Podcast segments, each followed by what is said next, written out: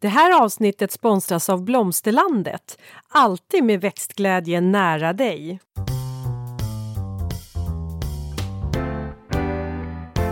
Välkommen till Ulrika och Lindas trädgårdspodd och det är jag som är Linda Kjellén, trädgårdsmästare. Och det är jag som är Ulrika Levin, trädgårdsdesigner. Och dagens avsnitt, kära lyssnare, har vi eh, faktiskt eh, vikt åt eh, små lökar eh, som är värda att ta en extra titt på faktiskt. Och vi kommer gå in kanske lite mer på djupet just när det gäller snödroppar. Som jag vet att många eh, verkligen tycker om i och med att det är de första lökarna som kommer. Ja, de där som smälter snön. Mm. Visste du det? Att Nej, snödroppar ingen smälter aning. snö? Nej, men då kan jag berätta om det. Ja, vad spännande. Linda, eh, vad har hänt sen eh, sist? Och vet du Ulrika, jag känner mig alldeles snurrig i huvudet. Jag är lite så nästan dagvill för att det är såna faktiskt ganska intensiva dagar. Det har varit så här i början av säsongen jämt så är det så mycket som ska fotas medan det är uppvuxet och vackert innan höst och vinter. Det är liksom produktfotograferingar och så att jag har haft en stor fotografering för att även nästa år så kommer jag ut med ett egen Dahlia-kollektion med eh, Nelson Garden. Åh, vad roligt. Ny, eh, är det lite nya sorter du har Mm. Det är jämfört lite med nya år? sorter ja, också. Spännande. Ja, jag testade ju dina. Ja, du gjorde Eh, det och sen ja. blev du hooked. Ja, ja, de var Ja. jättefina. Fantastiska. Så, att, eh, så vi har haft en stor fotografering här ute på odlingen och sen har jag haft Nyhetsmorgon på besök och så har jag varit i radio och ja men sen har vi också spelat in ett nytt avsnitt utav Trädgårdsmorgon. Där var du gäst i senaste programmet. Ja, det var jag. Ja, det var du. Eh, och, ja, men sen har vi haft skördefest här på Överjärva också. Och då tittade du förbi med lilla pappa. Ja, Ja. så var det. Så Ja. var det. Verkligen. Ja, så det är väl lite det då som har, som Det har låter hänt sen som det går i ett. Ja, det det går där klassiska, full rulle efter eh, ledigheten. Ja, och så kan vi ju bara också tillägga att det jag pågår, pågår fortfarande som projektledare för renovering av en enormt stor gård. Ja. det får du inte vila från. Mm. Nej, nej, nej. Nej, Ja. självpåtaget. Ja, precis. Det Ja. är ju det. Det är ju det. Men du, du då? Vad har du hållit på med? Eh, jag ritar ehm, som vanligt. Eller på, ja, jo, men det är det jag gör. Jag har haft stora projekt som jag håller på att uh, ro i land nu. Ehm, så det är faktiskt ganska skönt. Sen så, ja, jag har roliga projekt under hösten. Eh, och det är ganska gött att veta att eh, hela hösten är, är bokad faktiskt. Ehm, och eh, Och jo. nästan våren också för dig va? Ja, det börjar bokas in i alla fall. Så jag kan bara säga att om det är någon som vill ha hjälp, hör av er i god tid. Så, Hjälp! Som jag alltid säger. Hjälp! ja, men det, du står redan inne Gör i jag mitt verkligen uppdrag. det, Ja, du är med. Okej, jag Du är med. Ja, Jag är... Du, är, du är ett med. höstprojekt. Är det så? Ja, Jaha, det är jag det. trodde, trodde det var vårprojektet. Nej, Nej, men gud, vad spännande. För till våren ska du ju köra igång så att jag menar då måste det ju vara lite hands-on på plats. Nu fick jag nytändning. Men vet du vad Vet du vad som jag har reflekterat över, eller som jag har märkt och som jag tycker är så skönt nu efter semestern? Det är faktiskt att jag för första gången på riktigt länge känner mig som mig själv. Hur då, menar du? så här, ja, men jag, har ju, jag har ju kämpat lite med hjärntrötthet efter eh, en hjärnhinneinflammation. Eh, och det har tagit tid. Eh, eh, men nu känns det som att ja, men jag har landat. Sen har ju, ja, min kära mamma gick ju bort i år och in, hon, ja, 2021 var ju bara ett jävla skitår. Eh, hon var ju väldigt sjuk innan i cancer. Så, så även om jag är, liksom, har sorg så, så är ändå jag har kunnat träna hela sommaren, jag har kunnat fortsätta träna utan att bli helt slut. Jag kan jobba och inte vara helt slut. Jag, ja, men du vet, jag känner mig som jag var för, liksom, för flera år sedan. In, och, och det är så himla skönt. Och så, så, så frågar jag min man så här då, så säger jag, men du, älskling, har du, har du, har du märkt, jag känner mig så här, har du märkt någon skillnad? Och så säger han så här, ja, jo, jo verkligen så här, det, och det är jätteroligt för alltså, ja men Ulrika, nu ser du ju inte ut, du ser ju inte längre ut som ett lik när du går upp på morgonen och ett lik när du ska gå och lägga dig. Vad obehagligt du. Ja. sanningen. Och han sa det med kärlek kan jag säga. Så att, eh, jag fattar vad han menar. Jag har varit konstant trött och det har nog synts väldigt mycket på mig. Men ehm, alltså fasen vilken hjärna vi har. Den är ändå plastisk. Eh, så att eh, det är skönt att jag hittat, eh, äntligen har hittat den här eh, balansen i vardagen. Ja, jag har tänkt Nej. på det. Det är en god känsla. Ja, vad glad jag blir.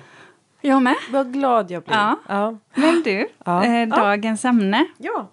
Eh, de här småläkarna, varför ska vi prata om dem? För att det är ju så här, jag kan tycka att de blir lite bortglömda. Det är väldigt lätt att fascineras av de här... Mm. Man kan säga att det här var ett ämne som du har valt. Ja! Jo, för att så här är det ju. Man fascineras ju lätt av de här stora lökarna. Och nu pratar vi faktiskt storleken på själva löken. Som tulpaner och allium, narcisser. Ofta tycker jag att vi, man fastnar där och så glömmer man bort de här smålökarna. Eh, som, som krokus, som eh, pärlhyacinter, snödroppar. De som kommer ganska tidigt och som också kan vara viktiga utifrån eh, återigen mat till eh, våra pollinerare. Eh, och grejen är att de här smålökarna är ju också jättefina att sätta i sina rabatter. Alltså, och under häckar, alltså i häckar häckarna där solen når fram. Man kan peta in dem på så många olika ställen. Ofta jättefina i kruka. Många är fantastiska att ha i en liten vårbukett som En del snittblommor. doftar honung. Exakt! Och jag tycker att du kan definitivt kombinera de här med smålökar, eller med stora lökar också naturligtvis. Men, men Du får alltså, också in ett annat bladverk med hjälp av eh, smålökarna. Ja. De är ofta sett mycket sirligare, kanske lite mer grässtråaktiga. Precis, och blir ju sällan höga. Det finns ju, vi ska komma in på någon som är 20-30 centimeter men annars pratar vi om, om blommor som kanske håller sig runt en 8-15 centimeter. Så jag tyckte att nu när vi går in i september och det är dags att börja inhandla och plantera lök så, så vill jag faktiskt passa på att tipsa er lyssnare om det här eh, ämnet så, så vi pratar igenom det. Men Linda, jag tänkte så här att du ska få förklara det här med lökarnas vegetationsperiod. För att det här tror jag är lite viktigt att förstå egentligen vad som händer med en lök när man stoppar ner den i backen nu på hösten. Om man, om man ska definiera en lök så är det en, en underjordisk... Man kan säga att det är en växtdel som är klotformad och som också lagrar eh, sin näring i den här Eh, växtdelen under sin viloperiod. Det vill säga under, under antingen vintern eller sommaren beroende på om det är en lök som blommar på vår eller på hösten. Och, ehm, eh, och som med alla lökar så får ju de en sån här liten kort eh, liten platta där de här liksom fjällen kan man säga utgår ifrån. Men eh, man ska ju plantera de här lökarna då eh, förslagsvis främst på hösten. Och vad de gör då är ju att eh, de sätter ju igång och rota sig på en gång. Så att det är inte så att de, man sätter ner dem för att de ska börja rota sig på våren utan det här sker ju på en gång.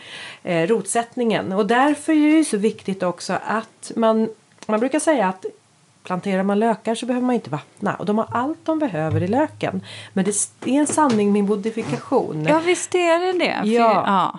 Så att jag skulle sätta mina lökar, det gör jag. Det, jag vattnar på om det inte är, är fuktigt i marken så vattnar jag på innan jag planterar mina lökar. Så vet jag att de hamnar liksom. Ja, för där, där vet jag att ibland när eh, ibland eh, vissa höstar när det har varit en väldigt torr sommar och det sedan blir en torr höst så att man inte har den här markfukten i jorden naturligt så, så har jag faktiskt fått mejl från, från de eh, lökodlarna så där de har påmint om att ah, app, app, app, kom ihåg, vattna nu, det har varit jättetorrt när ni sätter lökarna, se till att vattna så att rotsättningen kan komma igång. För de förbereder sig. Mm. Ja. Vad händer sen då? Nej, men efter sen det, blir det vinter. Sen är det vinter och då går de ju ner i en viloperiod. Gör de. Och det är många också lökar som behöver den här så många stratifieringen i kylperioden för att väckas igång och triggas igång till att vakna där på våren. Och då brukar man kalla det för att de, får, de, de sträcker på sig. Det är den här cellsträckningen som startar. Och eh, bladverket eh, slår ut. Eh, och därefter sker ju såklart den vackra blomningen. Det är den vi är ute efter. För att sen övergå till frösättning. Så att det här är ju en, en cykel. Och då kan det ju vara så här att när rotsättningen ska ske så kan det vara bra att också grunda den här planteringsgropen med ett fosforrikt eh, naturgödsel. Och när den cellsträckningen sker på våren så brukar jag gå ut och sen så vattnar jag på näring, en flytande näring så att det blir som en direktgivande näring.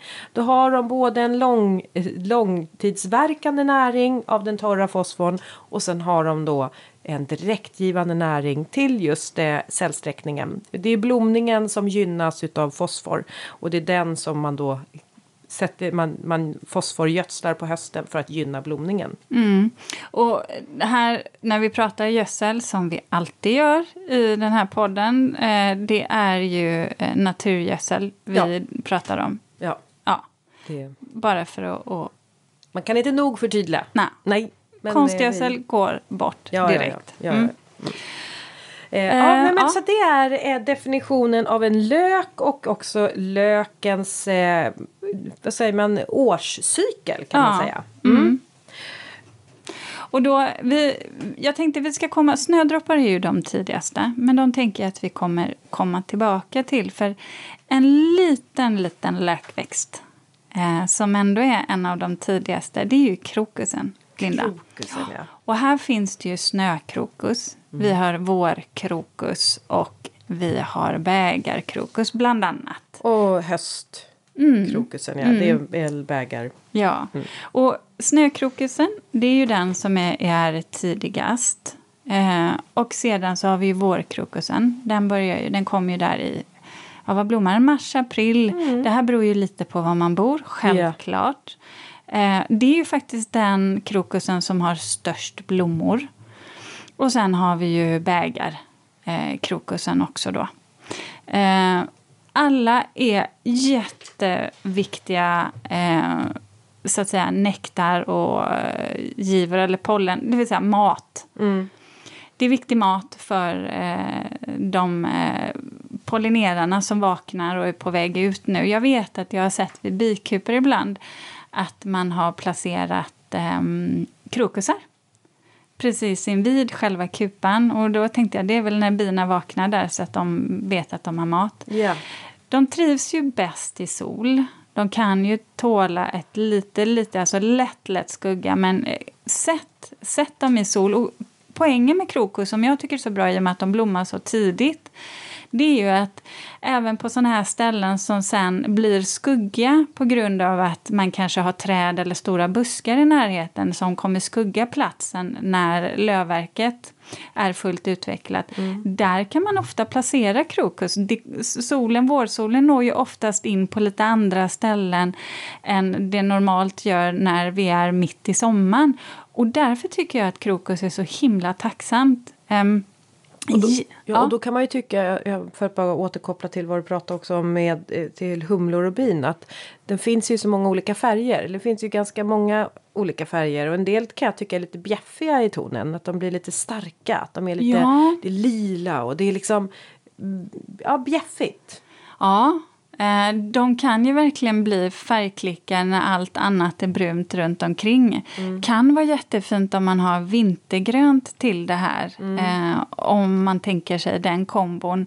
Eh, för att kanske, du vet, dämpa den här eh, lite starka eh, färgen som kommer. Men vad jag skulle säga är var det att då får man väl tänka i ett större perspektiv då att om man inte gillar färgerna så gillar i alla fall våra pollinatörer färgerna.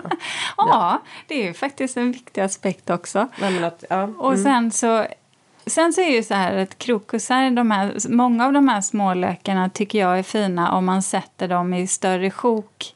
Eh, det blir lite litet om man sätter kanske bara tio stycken utan man behöver oftast ha lite större mattor av dem för att Ja. de ska komma till sin rätt. Mm. eh, om man får välja. Men du kan gärna blanda dem. Definitivt olika färger. Det kan bli jättefint och, och vi ska prata lite sorter, Linda, och eh, kombos. Men rent generellt kan man väl säga att en krokus, lite beroende på sort, ja mellan 5 till 10 centimeters djup planterar man dem på ungefär samma avstånd. Mm. Men hur är det Linda, eh, brukar du dela krokus? Eh, nej, men det har, alltså jag har inte... Jag har faktiskt, min förra trädgård där började jag att plantera in just de här små lökarna och krokusar också under häcken. Men nu fick mm. inte jag uppleva hur det blev och skötseln av den. Jag fick uppleva det en mm. vår eh, och sen så lämnade vi det. Men eh, nej, jag, jag, brukar inte dela just i och med att de, de sprider sig gärna liksom. Alltså det är sidolökar som den bildar. Jag, är osäker på om själva huvudlöken eh, den blommar bara en gång har jag för mig. Och sen är det de här sidolökarna som fortsätter och blommar. Mm. Jag brukar dela, mm. dela mina i, ibland. Mm. Eh, och då brukar jag... Jag brukar ofta göra det i augusti faktiskt, just för att de ska... Eh, för att det, är lite, det blir oftast lite fuktigare i, i marken då naturligt. Det blir fuktigare i luften. Ja. Mm. Så då, då, brukar jag passa på att göra det. Men då, de behöver ha vuxit till sig en del. Man, det, det får gå flera år, kanske en fyra, fem år innan jag börjar hålla på och, och dela dem i så fall.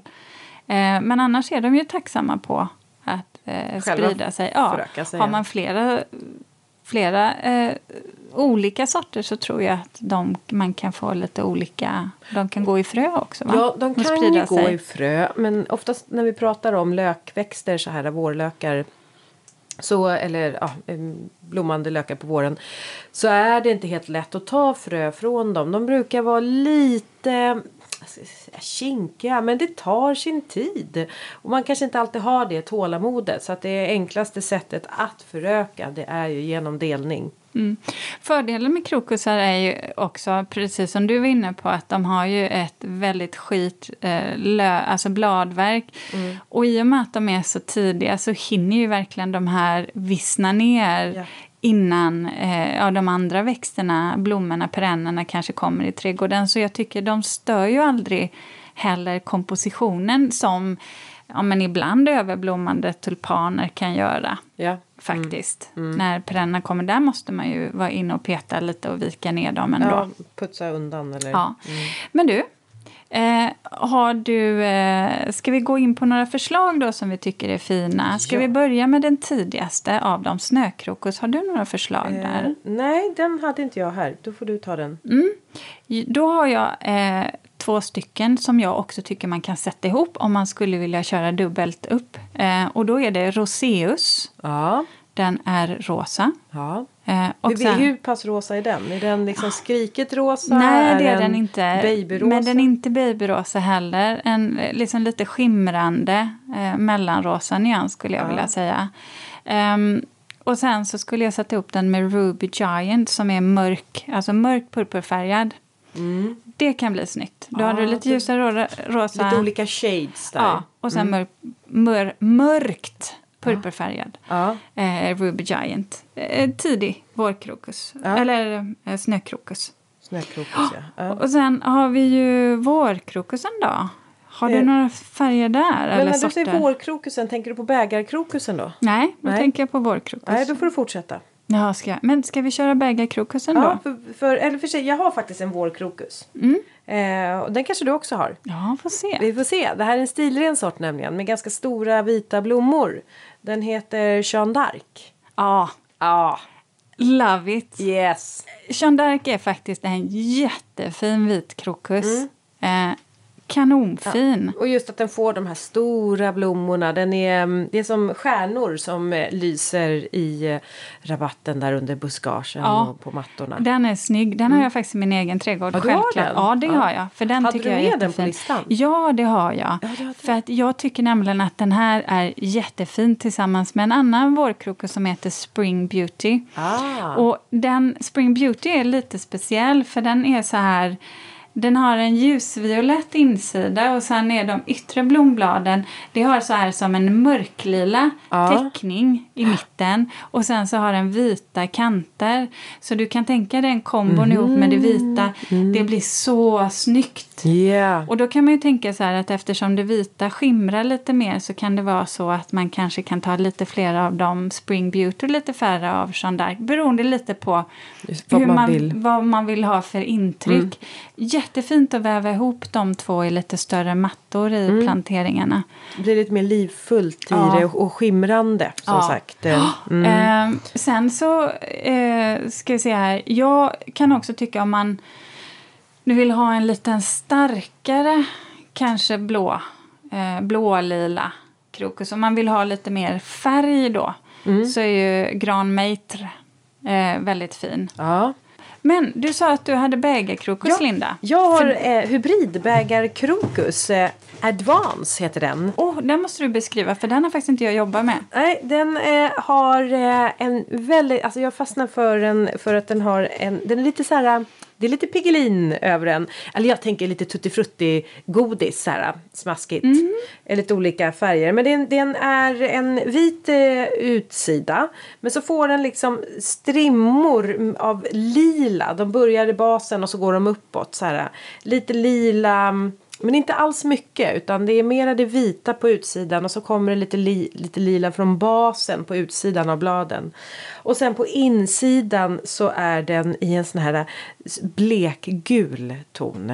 Aha. Ja, så det får det vitt och det Vad lila oväntat. och sen det blekgula inuti. Det måste jag kolla upp. Ja, det där får du faktiskt titta. Mm. Det, ja, det, var, det tyckte jag var lite oväntad eh, färgkombo. Ja, men ändå. Ja, men den är, det, är väl, det är ju min färgskala, den här gula. Och det. Ja, men den blekgula är fin. Det blekgula. För annars så kan jag ju tycka att just eh, Cream Beauty Ja, är... det var min nästa. Ja, det var din Det nästa. var din nästa.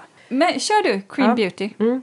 Jo, Cream, Cream Beauty som jag också hade här hos mig. Men då tar jag den. Den får eh, eh, lite, den, den börjar liksom att blomma lite så citrongult. Men sen går den över till att bli mera krämgul. När den också då slår ut. Eh, mycket odlingsvärd eh, tycker jag. För att det, är allt det där gula det är liksom på våren. Det är som att solen speglar sig i marken. Jag tycker den är fin. Också en sån här sort som kan vara väldigt fint mot eh, en grön idegran. Eh, gult och grönt, Ja. vet ni. Mm. Det vet det, vi. Det Det- blir bra. Vad brukar man säga? Det är sen gammalt. Ja, Mm. faktiskt. Så att det tycker jag är fint. Eh, jag har en absolut, absolut favorit. Som Okej. jag har min egen trädgård. Eh, i, när det gäller bägarkrokus. Och det är eh, Prins Klaus. Har, Prins har du hört talas om det? Det är den vit och Vit och sen så har den en mörkviolett Ja. teckning på utsidan och så blir det som små koppar. Ja, Och så kan man se det är därför den heter bägare va? Ja. Mm. Den är jättefin. Ah. Den har jag i många, många av. Tillsammans med... Jag har den faktiskt bara själv. Ibland sätter jag in den med Jeanne d'Arc. Mm. Eh, det har jag på ett ställe. Men annars har jag den faktiskt bara ensam. För jag tycker den är så himla fin som den är. Ja, det behöver, den, den kan bära upp sig själv Ja, utan att... det är den är faktiskt lite mer solitär-krokus det skulle man kunna jag säga. att den är. Det kan ju en del av de här tvåfärgade just eh, vara. Ja. Eh, men en annan också som är lite söt, Mm. eh, det är ju Blue Pearl. Eh, och den här är lite speciell, för den är också så här, den är så ljusblå alltså på, på utsidan. Men på insidan så är den vit och sen när den liksom vecklar ut sig så att den får den här bägarformen, då ser man knoppen väldigt tydligt som är liksom mörkgul, alltså nästan lite orange färgad. Ja. Då blir den också väldigt effektfull. Det är lite så här så att man wow, går förbi och, och så, ja. Hajar till. Ah, Den kan jag också tycka är fin med Jeanne d'Arc. Eh, höstkrokus. Använder jag mig inte så mycket av. Nej, jag, jag tänker också att man ofta blandar ihop höstkrokus och eh, tidlösa. Ja, just tidlös är väl, är det inte den växten som är så himla giftig? Jo, den ja. är, den är För giftig. den brukar, giftiga växter brukar per automatik oftast gå Välja bort. bort. I, ja, eftersom mina kunder inte vill ha det. Nej, just det. Men, men just då... Det beror ju på hur giftiga, men den Ja. är ju riktigt giftig. Eh, oftast lila va, brukar den vara. Så här. Men den eh, kan man blanda ihop med krokus för de ser ganska lika ut. Men det är inte en, en krokus utan eh, den heter ju, nu ska vi tänka här. Eh, den heter eh, Col- Colchicum autumnale. Heter den. Och eh, krokus, och höstkrokus heter ju Crocus speciosus. Heter den. Mm, på latin. På latin ja. Så att de, eh, de skiljer sig. De blommar visserligen samtidigt men de skiljer sig. Och det man kan skilja dem åt. Det är om man tittar riktigt noga på dem så kan man se att krokusen bara har tre ståndare. Medans tidlösan har sex ståndare. Så får man titta nära. Eh, det som händer är ju att eh, den här höstkrokusen de, eh, de blommar, alltså de bildar sin, sitt bladverk. Det kommer upp på våren. Eh, så samlar den liksom energi genom bladverket som sen vissnar ner för att sen ge plats åt blomman som tar tillvara på den energi och blommar på hösten. Mm. Pärlhyacinter då, Linda? Vad tycker du om dem? Eh, pärlhyacinter, det blir väl lite sådär med en växt som eh, blir som en sån här slit och slängväxt som finns att få tag på. Va? Ja, det finns att få tag på överallt. Jag försöker ofta hitta kanske någonting som... Jag gillar ju de här vanliga växterna, absolut, så det är inte det. Men eh, det är som att eh, jag tar den för att vara så självklar så jag kan inte se dess unikiteter. Jaha, jag älskar pärlhyacinter. Ja, men jag gillar också pärlhyacinter. Men det är som att... Ja, mm, ja. Ja, men jag gillar dem. Det är inte det, men det, jag kan inte säga så här wow, pärlhyacinter. För att jag, det är Ja. ungefär som gräs. Ja, alltså gräs är ju också, men alltså gräsmattegräs. Ja, det, Ja, jag de, fattar. de är så vanliga. Ja, mm, kanske är för att jag... Det slog mig att jag har sällan gått och köpt de här du vet som man kan köpa i kruka i affären. Nej. Utan jag har ju bara jobbat med dem som lök i... Ja, antingen om jag har satt dem i kruka, du vet, eh, som man sen tar fram på, på våren. Eh, eller att jag faktiskt har dem i rabatterna. Och då tycker jag att de är så galet söta. Och pärlhyacinterna, då kommer vi in på den, det lite senare Ja. eh, eh, lökfloret i maj oftast. Där skiftet, april och sen in i maj Ja, blommar ju de. just det. Eh, mina brukar ofta i, i Stockholmsområdet i alla fall April, blomma i maj. maj Mm. snarare än april där.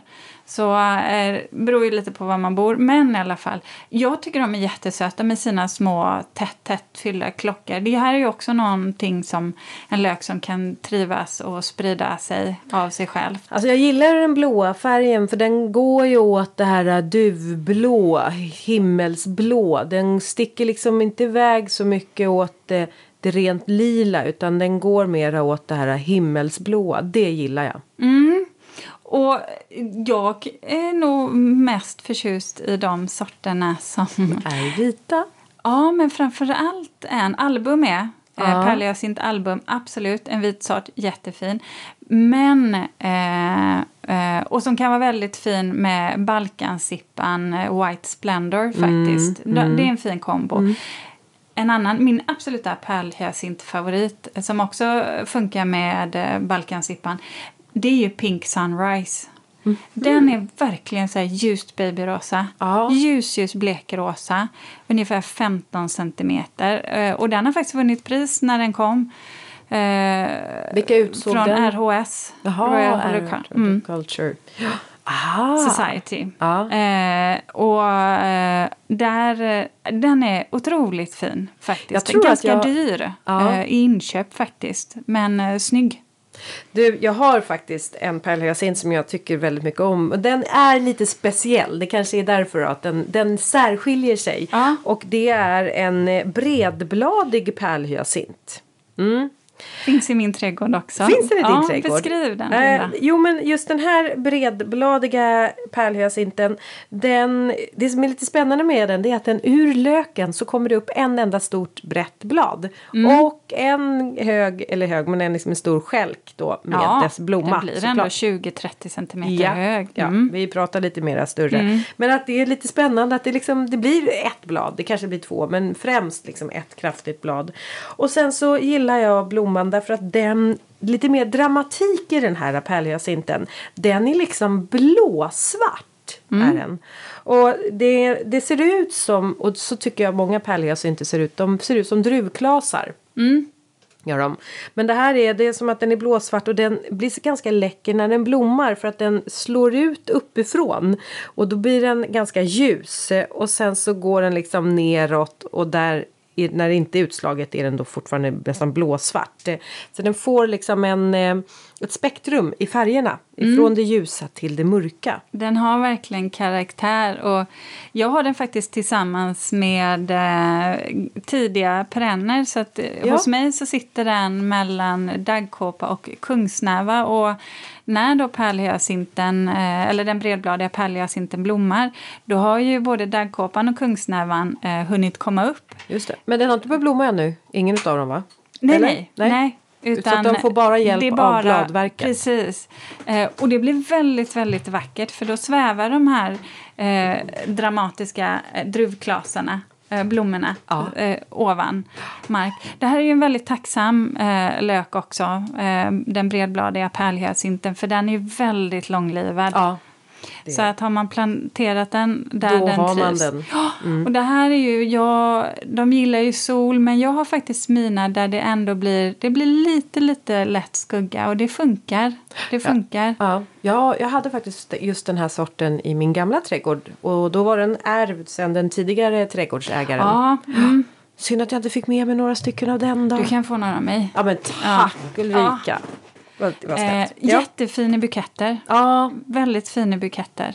Jag brukar använda mycket, mig mycket av just pärlhyacinter och blomsterpyssla med i kransar. Mm. Och, eh, mm. de, de fungerar faktiskt ganska fint att torka också. Gör de? Ja, tror det hade jag ingen aning om. Hur gör de, du då? Nej, jag glömmer bort dem. bara, det borde, just det, det, det, det borde ju jag. Det låter ju som att jag skulle kunna lyckas ja. jättebra med ja. det där. Ja. Nej, men vet du vad, jag brukar, jag brukar eh, sätta in lite pärlhyacinter i lö, med lökarna i kransar. Och sen hänger de då i de här kransarna utomhus då. Lite så här till påsken eller vårkransar. Och sen eh, när man kommer in där någon gång i juni så tittar man på dörren eller ja just det, där hänger den där kransen. Men då kan de fortfarande vara blåa. De är lite söta. Ah, ja, ja du det, ser. Lite skräpigt kanske en del tycker, men jag... Ja, visste du att vissa pärlhyacinter faktiskt också doftar? Det Nej, finns vissa sorter som ja. doftar jättegott. Vissa doftar citron. Eh, andra som den persiska pärlhyacinten, till exempel Blue Magic eller White Magic. De, de har en lite sötare doft. Så att det kan man också titta på. Det kan också vara gott att ta in, du vet, när man använder dem som snitt. Eh, jag tycker att pärlhyacinter, förutom att ha dem i rabatten, eh, är väldigt fina att ha i kruka. Eh, och Linda, jag tänkte att du skulle få, få berätta om det här, hur man nu planterar lök i kruka, för jag vet att det här är någonting som många vill göra. Och jag vill bara tillägga att just de här smålökarna, om man nu är som jag och sätter eh, tycker om att ha perenna växter som, som buskar eller som perenner i kruka så är just de här tidigblommande smålökarna jättebra för de, de tar liksom ingen yta och de blir inte skräpiga sen. Eh, så, ja, men så vi kör det. Vi kör den om man nu vill sätta sina lökar i kruka och vara på hösten och sen plocka fram dem kanske lite tidigare, väcka dem till liv på våren. Linda, visst är vi stolta över att ha en sponsor till dagens avsnitt? Ja, och det är Blomsterlandet. En trädgårdsbutik nära dig med butiker över hela landet och en e-handel som är öppen dygnet runt. Välkommen! Eh, men då gör man så att man tar den här krukan och fyller den eh, med eh, gärna något dränerat material i botten och sen så en vanlig planteringsjord. Närings, liksom, det kan vara näringsrik planteringsjord. Och sen så vattnar man igenom krukan så att jorden är fuktig. Och sen planterar man ner sina lökar där i och generellt säger man tre gånger sin storlek. Och här är det ganska spännande för att om vi nu, nu pratar vi om små lökar, men om man nu vill samplantera, man brukar kalla det för löklasagne, det kan ni googla på så kommer ni se, då kan man alltså sätta de större lökarna i botten eller längre ner och sen så bygger man på lager och så mindre och mindre lökar ju längre upp mot jordytan man kommer. Så då har man en variation av olika sorters lökar. Så när man har gjort det här eh, då ställer man den här krukan åt sidan. Jag hade växthus eh, där jag hade mina förvarade. Och då var jag tvungen att gå ut och vattna dem här emellanåt under vintern så att det inte var snustort i krukan. Men de fick ändå sin kylperiod. Det blev minusgrader emellanåt ute i växthuset. Har man inget växthus så eh, Ställ den lite skyddat, kanske i närheten av husfasaden. Har du en balkong, ställ den eh, skyddad ifrån allt för mycket regn. För att det är bättre att du går ut och vattnar än att naturen vattnar. För att du kan ha bättre kontroll över hur mycket vatten som kommer i. För det får inte bli för mycket vatten för då ruttnar de. Mm. Så att, eh, men se till, liksom, man kan faktiskt känna om man ser om det är väldigt snustort. Eh, så länge det är fruset så finns det ingen anledning att vattna. Men alltså hösten och tidig vår om kärlen då det frusna har släppt taget. Då vattnar mm. man på lite. Och sen så kan man även om man vill, liksom, man kan täcka med lite granruskor eller någonting bara så här för att eh, eh isolera kan mm. man göra. Men sen när våren kommer då, då ställer man fram dem där, plockar man fram dem i ljuset. Eh, om de säger att de har stått in under trappan till exempel. Då får man plocka fram dem i ljuset, väcka dem lite till liv igen. Eh, genom att eh, eh, kanske vattna på dem. Och så kommer de titta upp. Och så har ni dem där.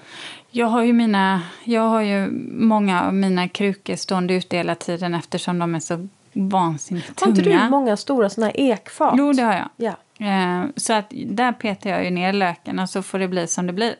Ja. Kort kort och gott. Ja, det där gillar jag. Alltså man måste testa och då har man den inställningen, men då blir man lika glad för att det växer upp någonting och man blir inte alls så besviken om det inte. Och jag upplever att det just är enklare faktiskt att lyckas med, med smålökarna för de behöver jag inte hålla på och vara inne och peta i rotsystemet sen eh, när, där jag har lite större träd och buskar i ekfat.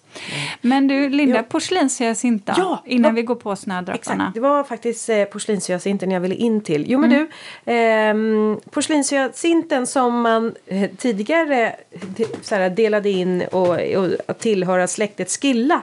Eh, vilket eh, den alltså inte gör utan eh, den här tillhör nu i släktet eh, eh push, nu ska vi säga så att jag uttalar det rätt, Pushkinia. Mm. Är det istället. Men det är, om man är lite botaniskt intresserad så vet man att de här hänger inte ihop utan Nej. Eh, de är olika släkten. Eh, men det här är ju, den är otroligt vacker. Alltså hyacint har den ju säkert fått sitt namn för att den är, den växer som en, en hyacint och det vet vi alla hur den växer. Eh, lite blommor ut med hela skälken upp. Det som är fint med den det är att den här får så här smala smala blad som påminner just om eh, grässtrån. Och den blommar tidigt på våren med de här små, små, eh, eller små, men, men med sina klockor. Eh, jag själv hade en massa just eh, eh porslinshyacinter i min förra trädgård. Och eh, jag tyckte att det var så himla vackert när de blommade tillsammans med min svart eller mörkbladiga hundkex. Och sen de här, de här som jag hade de var lite i de här kallt blåvita var de. Tillsammans med den här nästan eh, kalla mörka, nästan svarta färgen på hundkexet. Och sen så lite senare när de här fortfarande stod i blom då kom eh, eh, eh, vad heter den, Aclay-rutan upp. Mm. Och sen hade jag Proparities, då klimatisen som också blommade med sina lite hängande klockor. Det här var, det var ja, jättevackert. Det lät det. snyggt. Mm. Vad har du för tankar kring eh, porslinshyacinten? Ja, annat än att jag tycker den är söt. Ja, men ja. Den, är, den är väldigt söt tycker jag. Ja, det um. finns ju en sorts som är vit, mm. alba heter mm. den helvit. Ja, mm. ja, så, ja, också en av de där som jag tycker att man lätt förbiser. Mm. Men som också är värd att odla. De får ju liksom de här små karaktäristiskt kan man nästan säga. Det är väl därför man kan ha blandat ihop dem också med skilla. De får de här små blåa ränderna ja, i sina så klockor. Mm. Men så här, vi går in på snödropparna. Ja men det måste vi göra. För det är ju ändå de tidigaste, mm. eh, blom, den tidigaste blomningen där som kommer. Mm. Eh, och Ja. Men du, ska jag ta det där med eh, hur fantastiska snödropparna är som ja, smälter snön? Ja, jag tycker det. Nej, men det är någonting med snödroppar. De, de vill väl... Ja, vad ska man säga? De är ganska eh, självständiga så att de ser ju till att smälta snön runt omkring sig för att de ska få växa eller orka komma upp. Eh, så att de kan alltså verkligen generera egen värme och, alltså, och de kan alltså upp till en temperatur till 10 grader. Va? Ja, visst är det helt fascinerande? Det hade jag ingen aning Jo då, om. och men alltså, om man tittar på snödropparna då ser man oftast att snön är smält Ja. runt omkring dem. Och Ja. då tänker man kanske så här, ja men det är solen som har värmt på dem där. Ja. Men nope, det är snödropparna som är, har en liten egen värme. Eh, en liten egen... Men gud vad spännande. På tal om det vi pratade om eh, förra året. Eller förra året. Förra, förra avsnittet. Det du, här ditt, liv går så fort Ulrika. Ja, Ja. det var svischar förbi. Ja. Ja, Nej, men, ah, eh, spännande. det hade jag faktiskt ingen aning om. Eh, Kan jag få här, slänga med lite mera intressant fakta? Absolut. Eh, jo men det är ju faktiskt eh, snödroppens latinska namn, Galantus. Eh, Eh, Galantus eh, det kommer ifrån grekiskans gala som betyder mjölk och antus kommer från blomma. Så att mjölkblomma skulle man liksom, eller den mjölkvita blomman skulle man kunna säga. Eh, och, och sen så har vi ju artnamnet eh, Nivalis. Eh, då tänker jag på Nivea. Jag undrar om det har med det att göra. Eh, Då- den ja. kopplingen nej, men, kanske. nej men alltså Nivea, det är så här ja, jag vitt och Jag- det är så här ja. ja. väldoftande. I don't know. I don't jag know. vet det, inte. Så här händer i min hjärna. Ja, jag det vet. ploppar upp saker. Hela Ja, tiden. Hela tiden. Nu kliar sig Ulrika Och lite. ut kommer det också. Ja, det utgår. Nu kliar du lite på näsan, lite nervös Ja, Linda. nej då. nej, Nej, nej, men det här går. Ja. Jo, men okej, artnamnet Nivalis, eh, inte alltså Nivea, men även om Linda tänker på Nivea. Så är det också, betyder det eh, latinska växer vid snö. Det där Så- kommer vara inetsat för alltid Ja, det, för hos alltid. alla alla kommer lyssnare. se en liten eh, Nivea-blomma. Ja, man precis. på. Ja. Eh, nej men så att eh, den mjölkvita blomman som växer vid snö. Ja. Åh, så fint. Och det här är ju, när det gäller snödroppar så finns det ju eh, många, många väldigt speciella sorter. Och det här är ju eh, en växt som faktiskt många samlar på. Eh, vi ska ge lite sortnamn, men det jag framförallt tycker att vi ska komma in på det är ju eh, det här med eh, snödropparna och hur man kan föröka dem. Faktiskt. För de, trivs de så kan de ju faktiskt sätta frö och bli fler så. På det sättet. Men man kan ju också dela dem. Ja. Men då är det ju så här att normala fall, eh, många gånger så delar man ju höst, alltså lökar på hösten eller kanske i augusti, eh, någon gång där. Men just snödroppar eh, mår bra av att delas på våren. Och det är ju för att de här är ju känsliga för torka. Och det är ju även därför när man ska plantera dem som lök, eh, att man sätter dem tidigt, köp dem så fort du bara kan och plantera ner dem. Och det gäller i princip generellt kan man säga. Alla Mm. de här smålökarna. Det är de som ska ner först av alla lökar. Om man känner sig lite stressad över att Åh, jag har inte fått ner mina lökar i jorden. Så är det de här små lökarna man ska känna stressen för. Jag kan säga så här, och det här rekommenderar jag inte. Nej men du säger det erfarenhetsmässigt. Ja, jag var galet sen med min lökplantering förra året. Eh, och satte ner smålökar i... Eh, ja, jag tror jag gick med pannlampan i december. I början på december. Eh, krokus tog sig, eh, pärlhyacinterna och det tog sig. Eh, snödropparna gick Han- inte så bra. Nej, de hann inte. Men de Nej. kanske kommer det igen i år då? Tror du? Jag tror inte det. Nej. Jag tror jag får eh, helt enkelt göra som man ska göra Okej. den här gången. Eh, Learning ja. by doing. Ja, nej, men så blev det ibland. Jag hade för mycket annat helt enkelt. Men man kan alltså dela de här. Då får man gräva upp dem. eh, Och så delar man försiktigt på dem. Och sedan så får man då plantera dem och sätta tillbaka dem på samma djup. Och det här är ju viktigt. Det är viktigt för många växter när man planterar om. De ska ju absolut inte hamna längre ner än vad de står eh, alltså naturligt än vad de har stått tidigare. Utan på samma djup, jorddjup sätter man ner dem. Och då med lite avstånd till andra plantor och så att de får, lite, eh, alltså så att de får en möjlighet att sprida sig. Eh, så att det tycker jag absolut man ska, ska göra. Ju, ja, men det finns ju så otroligt många olika arter i släktet. Det, alltså, jag tyckte jag läste mig en siffra om nästan 75 olika arter i det här släktet. Ja, Det, det är helt fantastiskt. Fast de största är just eh, Galanthus nivalis och sen har vi den turkiska snödroppen Galanthus elvesi. Mm. Och där kan man ju tänka sig när man, man kan ju faktiskt också köpa snödroppar som man säger in the green. Eh, det vill säga, då köper man ju hela plantan där eh, om På våren. våren. Mm. Eh, en sort som jag tycker om och som jag jobbar med, som är en fylld eh, vitgrön eh, sort, och det är Flore pleno. Den tycker jag är jättesöt. Mm. Vad är det med den då som gör att du tycker om den? Det är nog att den är, har den här fyllda formen, eh, veckade blad på insidan. Det här är ju det här är en blomma som man ska studera nära. Ja. Många, ja, många av de här Det ser, smålökarna. alltså, jag får lite så här lotusblomma. Mm. Fast ändå, det, lotusblomman kanske är mera eh, enkel. Men den här är liksom Mm. ja, men lite som en dubbelblommande. fylld näckros Ja, eller vad man ska säga. ja. Mm. Och det här, när det gäller snödroppar skulle jag ju säga att de tjänar på att titta nära på dem. Ja, och det är ju samma sak med pärlhyacinten egentligen. Ja. Nära, nära. Nära, nära. Eh, sen har jag en till, och det här, jag ber om ursäkt för, för hur det uttalas nu, men det är, är mer också för att ni ska kunna googla det sen. Virdi apis, och det stavas A-P-I-C-E. Jättefin sort, också fylld. Nej, inte fylld. Eh, det jag menar, nu tänkte jag fel. Det här är ju den, varför jag gillar den är för att de här inre bladen är, ehm, de har som nästan som ett upp och nervänt grönt hjärta i utkanten på, alltså längst ner på, Just på, blad, det. på Ja. blombladet. Jättesöt. Den, den eh, tycker jag du ska kolla, Linda. Ja. Har du några?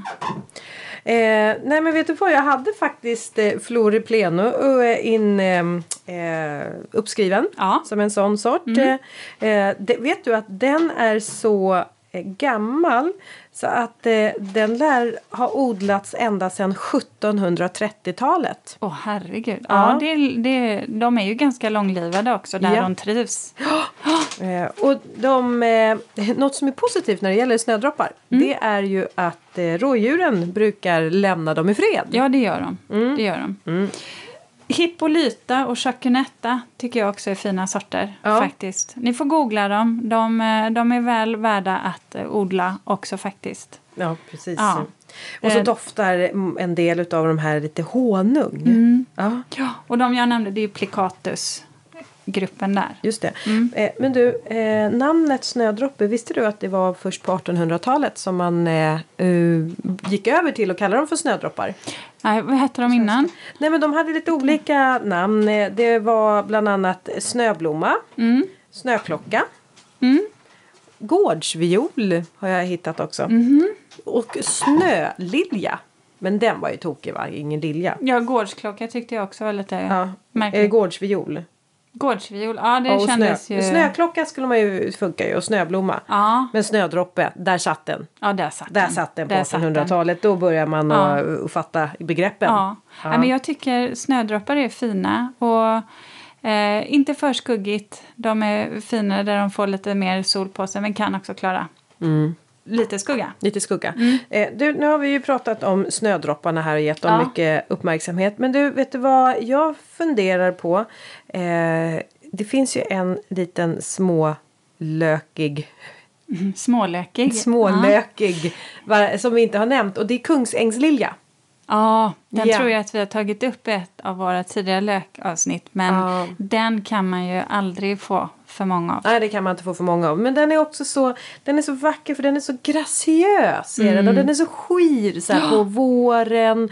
Ofta så köper man ju de här, eller skaffar man dem så, vad är det du kallar det för, in the green. Att man köper Mm. dem i färdiga i krukor där de är i blom.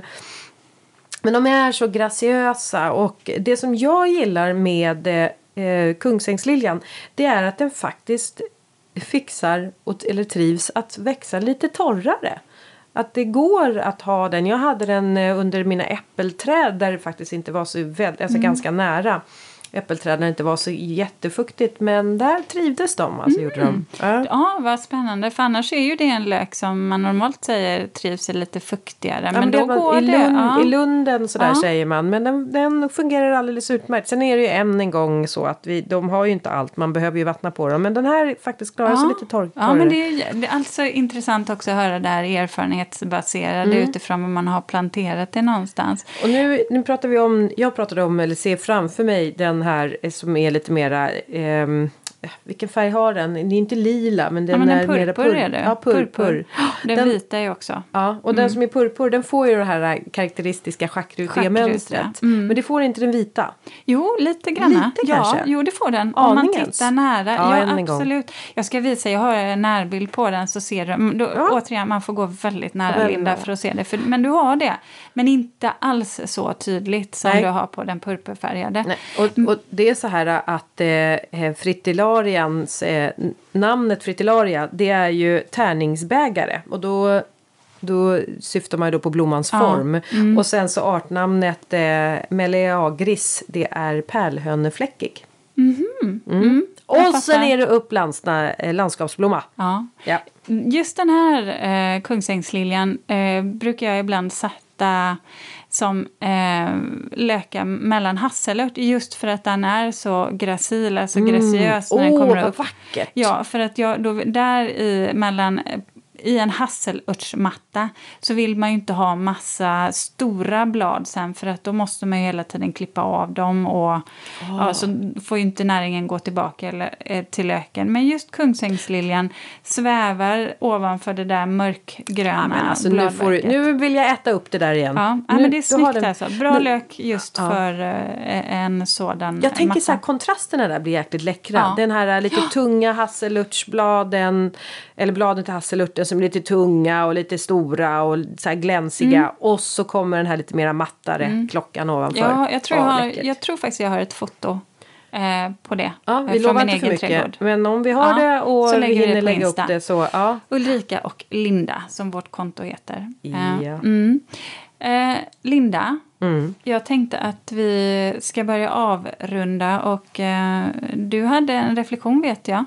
Jo, men visst hade jag en reflektion även, även denna gång. Jag har Ja. haft tid att tänka här under, under sommaren som har varit. Nej, men vet du, jag... jag alltså, jag gjorde lite bort mig faktiskt. Nej, men jag var lite för kaxig. Jag visade mig lite för mycket på den styva linan. Och jag tänker det är ingen som kommer märka att jag slänger mig i den styva linan. Nej, nej, nej. Jag håller uppe fasaden. Men så gjorde jag ett misstag. Eh, och det var liksom ett litet, litet misstag som fick hela min... Eh, min kaxighet att helt falla som ett korthus. Vad har du Jag kände mig avslöjad. Nej men, Nej, men det var inte så stort egentligen. Men det var så här att vi håller ju på och renoverar. ja. Ja, och vi har massa snickare där ute. Och då kan ju en del utav de där, och nu ska jag väl vara sån kanske stereotyp, men en del män som blir lite kaxiga över att vi kör med släp och det är vi som backar med bilar och det är vi som bär och konkar. Och jag kan ju det lika mycket jag. Men då blev jag nästan så att jag skulle överbevisa att jag kan också. Så jag hoppar in i bilen och så ska jag backa bak bilen. Och det här är på våran uppfart då framför eh, huset.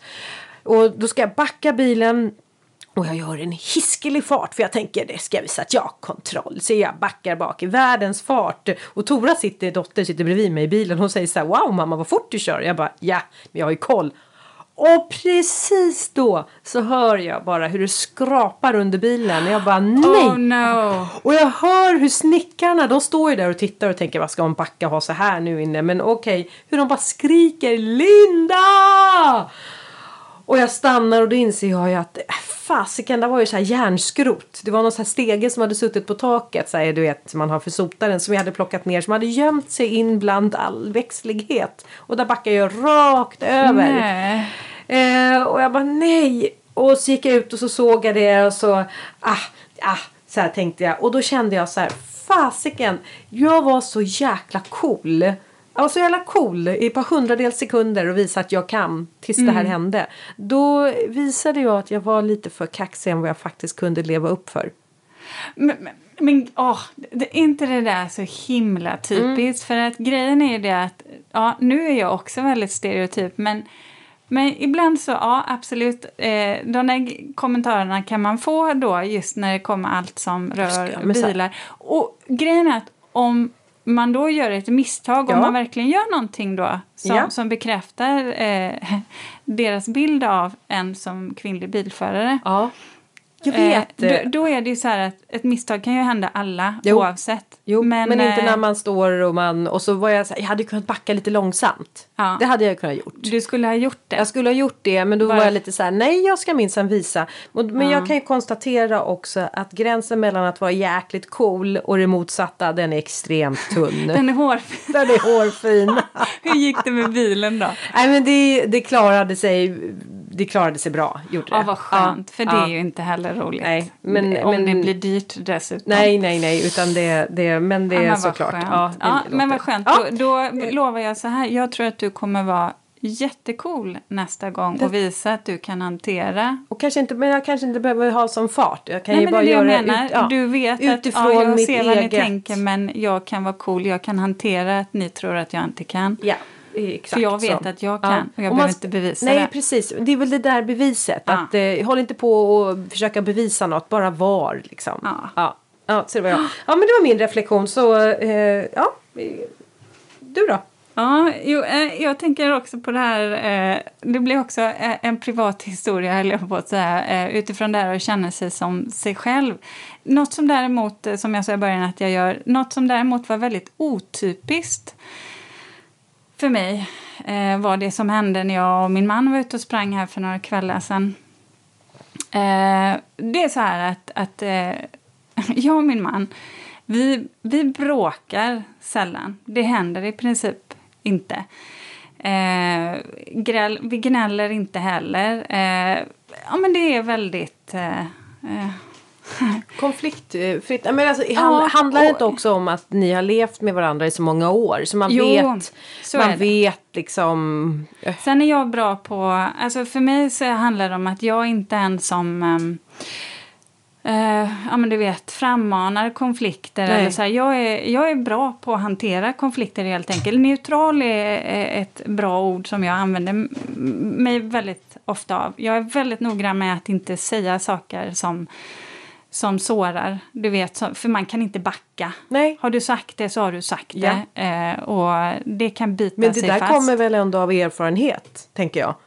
Alltså, det, för det vet jag ibland när man var yngre så kunde man säga saker och häva ut sig och, ja. och precis som du nu att man går, det är svårt att backa och då lär man sig liksom okej, okay, aha, att man, mm. vad kan, vad är, vad går gränserna? Ja och sen så någonstans så känner jag så här när man ändå har, har uppfostrat eller varit med fyra barn, man har tränat barn i fotboll och sådär så någonstans så inser man att det där med att bara få utbrott till höger och vänster, att det handlar mer om... Det är, en, det är ett beteende mm. eh, som man faktiskt också kan lära sig av med. Mm. Så för, för mig så är det så här att vara neutral. Så vi, vi, ja. vi har inte några så här, vi är inte alltid överens. Fast det låter som att vi är på väg att komma in till att ni bråkade. Ja, eh, och det här är så konstigt för vi är ute och springer.